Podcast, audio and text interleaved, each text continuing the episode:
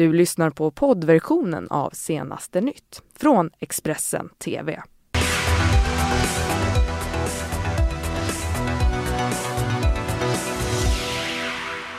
Varje dag. Du tittar på senaste nytt med mig, Karin, och eh, min kära kollega Fredrik här. Vi guidar dig igenom nyheterna hela vägen fram till klockan 10. Mm, det händer saker både i Sverige och utom lands och vi tar och titt på nyheterna. Hundratal pågående brandinsatser i Sverige i natt. Flera live-rapporter får ni av våra utsända live här i Senaste nytt. Och så tar vi en titt på Sri Lanka där dödssiffran tyvärr fortsätter att stiga samtidigt som fler misstänkta också har gripits. Och svensk tv-profil erkänner brott mot tonårspojke tvingas lämna USA.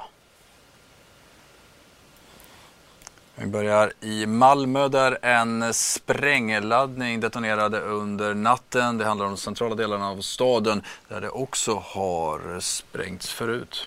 Ja, precis. Eh, det är eh, en lokal vid Nobeltorget som drabbats. Mycket mycket nära, precis som du säger Fredrik, platsen där en annan explosion inträffade för drygt en vecka sedan.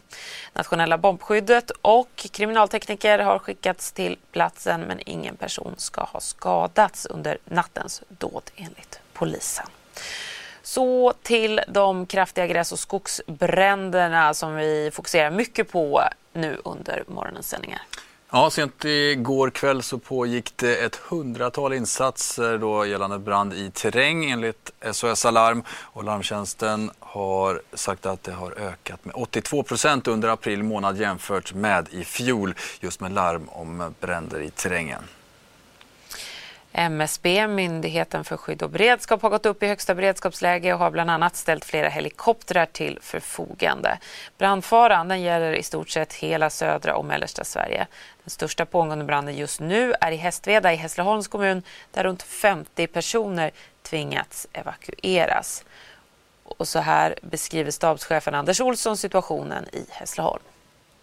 Det brinner här ute i området och vi eh, håller på att dra ner lite på insatsen. Vi behöver hem och vila folk. Eh, vinden har mojnat lite, vi har högre luftfuktighet eh, för att kraftsamla imorgon då vi förväntar oss att luftfuktigheten blir lägre och att vinden fortsätter. Du berättade att en av anledningarna till att man nu drar ner på närvaron är att det helt enkelt är för farligt att vara ute i skogen, stämmer det? Ja, alltså du ser ju ingenting du kan trilla ner och du kan slå dig. Du, eh, du hittar inte. Så försöker jobba från vägar, från fordon under nattetid på grund av att helt enkelt syns för dåligt i mörkret. Och hur är närvaron här under natten nu, under de timmarna som kommer? Eh, vi har en bemannad stab, vi har pressbefäl, vi har två styrkor här under natten. Vi har 20 olika traktorer som lägger vatten på vissa vägar och sen får vi helt enkelt larma på mer om vi upptäcker spridning. För det har varit planen nu att eh, lägga ut vatten så att branden begränsas. Eh, hur stort är det området innanför de begränsningarna? Hur stort är området där, där det brinner nu? Ja, vi uppskattade avspärrade området till 900 hektar men eh, det är ju långt ifrån det som har brunnit. Eh, men eh, branden har hoppat lite, det är lite olika bränder här och där men det totala området 900 hektar. Exakt var branden och hur mycket som brunnit det vet vi inte för vi har inte varit inne i området på den omfattningen heller. Utan vi jobbar som sagt med att begränsa och att det inte ska gå vidare. Så inne i området jobbar vi inte så mycket. Ja, vi har träffat flera av dem som då drabbats, tvingats evakuera från sina hem. Det är ett 50-tal i nuläget och en av dessa är Siv Frid. Vi blev ombedda att åka hemifrån av polisen och eh, körde hit här till Hantverksgården men sen har vi inte hört så jättemycket mer. Vi vet inte riktigt vad som har hänt hemomkring men antagligen har de inte tid att meddela oss. Och var ligger ert hus i förhållande till det området som nu är drabbat? Det brann ungefär 200 meter ifrån huset när vi åkte. Hur lång tid fick ni på er? Vad fick ni med när ni evakuerade?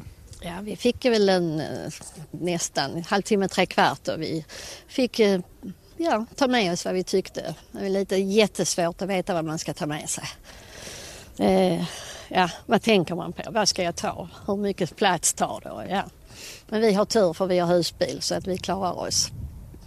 Och vad händer här inne nu där, där ni samlas? Vad får ni för information och vad, vad får ni veta om, om de timmarna som kommer nu? Mm, vi har fått reda på att vi, de ska kanske ordna vatten och mat och sängplatser till de som behöver det och information från brandhärden.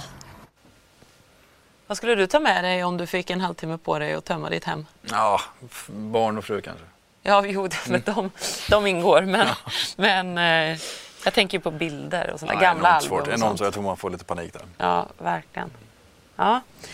Verkligen. Eh, många som tvingas lämna sina hem. Hoppas de får återvända med hemmen välbehållna. Eh, det är ju så att det även eh, brunnit i Västsverige. Mm, precis. Vi ska få en rapport ifrån eh, Lovisa Waldeck som eh, befinner sig i området där jag vet att det har brunnit kring Landvetter. Lovisa, du får berätta lite mer. Ja, precis. Jag befinner mig just nu en liten bit söder om Landvetter flygplats där det brinner i terrängen just nu.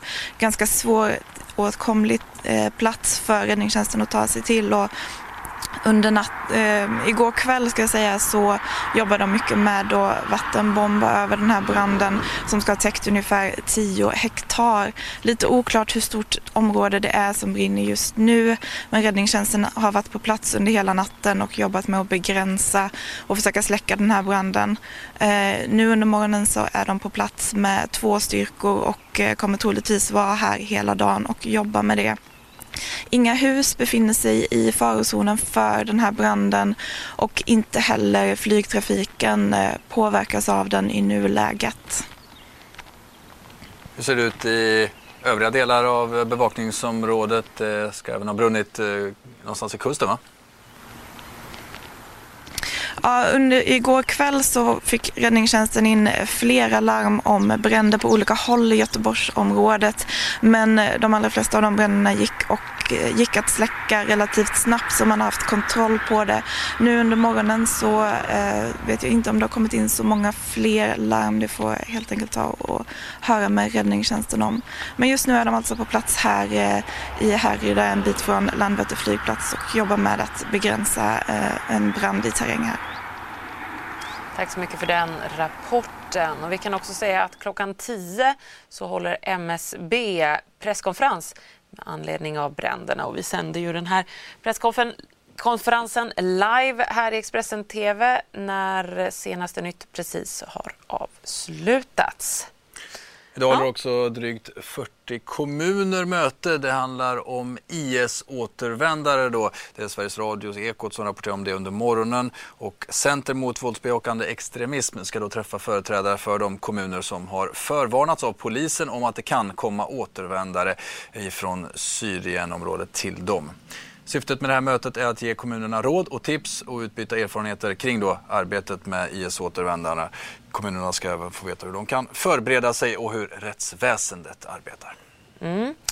Och eh, alldeles strax här i sändningen så ska det handla om Sri Lanka och Eh, terrordådet där. Det pågår begravningar, utredning, fler misstänkta gripna och så. Men först så ska vi gå till USA och ett mycket känt eh, fall, eller uppmärksammat fall som vi har där.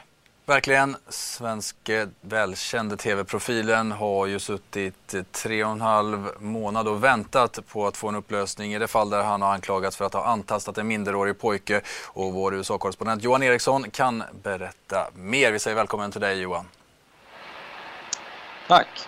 Ja, det var då under tisdagen här i USA som eh, det blev känt att en uppgörelse har nåtts mellan eh, tv-profilen och försvararen å sin sida och eh, den här pojken och hans familj å andra sidan. Den innebär då att eh, tv-profilen eh, erkänner sig, eller inte motsätter sig, är den formella termen, en ehm, dom som eh, handlar om en ringa misshandel istället för betydligt grövre sexbrottsanklagelser som de stod åtalad för först.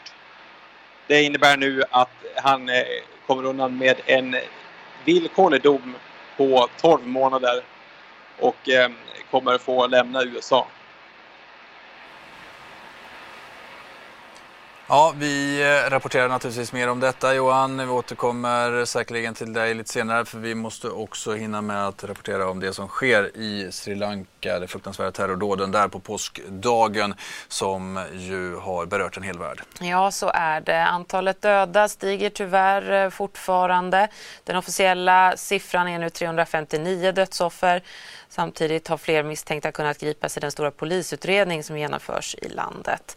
Igår tog IS på sig ansvaret för dådet men Sri Lankas vice premiärminister pekar samtidigt ut två lokala extremistgrupper för attackerna. Huvudspåret är nu att de fått internationellt hjälp inför det här.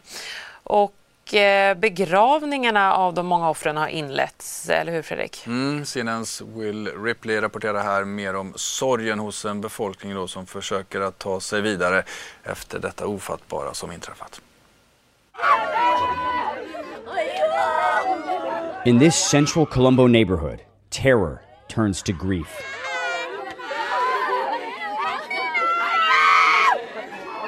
One by one, family members carry the coffins of Anastie Napoleon, her husband, Pradap Kanagasabi, and the tiny caskets of their two daughters, seven year old Andrina and one year old Abriana. The family didn't usually go to St. Anthony's. They decided to attend a special Easter Mass, along with around a thousand other people, including the man who entered the sanctuary and blew himself up. The clock on the church tower stopped at 8:45, the time the bomb went off. An act of brutality incomprehensible to Fazal Hanifa, a family friend and a Muslim. The children, small children, who what what what do they know? I can't understand. Are these people humans? They are not humans. They are animals. This family, like so many others, heard about the bombings on TV. They went to the hospital, the mortuary, and finally, the church. It was there, in the decimated sanctuary, they found their loved ones in pieces. They have taken around uh, 30 bodies uh, from here, and still they are searching.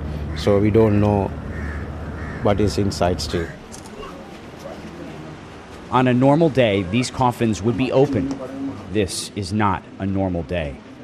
These pictures are the only closure they get. If you can call this closure. There's so much raw emotion here. I was chatting with one of the sisters. She was lying on the floor, she was sobbing. And she kept saying, they need to catch the people who did this. They need to find them and they need to stop them before they do this to some other family. With sorrow comes anger and questions. Why did this happen? Why this family? The answers may never come. Certainly not today. Will Ripley, CNN, Colombo, Sri Lanka. Fruktansvärda bilder ifrån sorgen, den massiva landsorgen som pågår just nu i Sri Lanka. Mm, det är inte säkert att det här dödstalet stannar där eller det är Nej, hundratals tyvärr. skadade fortfarande som vårdas. Vi fortsätter att bevaka händelseutvecklingen där. Mm. Och vi är tillbaka alldeles strax med mer brandbevakning, mer Sri Lanka-bevakning och mycket, mycket annat här i Senaste Nytt. Du har lyssnat på poddversionen av Senaste Nytt från Expressen TV. Ansvarig utgivare är Thomas Mattsson. Ett poddtips från Podplay. I fallen jag aldrig glömmer djupdyker Hasse Aro i arbetet bakom några av Sveriges mest uppseendeväckande brottsutredningar. Går vi in med hemlig telefonavlyssning och, och då upplever vi att vi får en total förändring av hans beteende. Vad är det som händer nu? Vem är det som läcker? Och så säger han att jag är kriminell, jag har varit kriminell i hela mitt liv men att mörda ett barn, där går min gräns. Nya säsongen av Fallen jag aldrig glömmer på Podplay.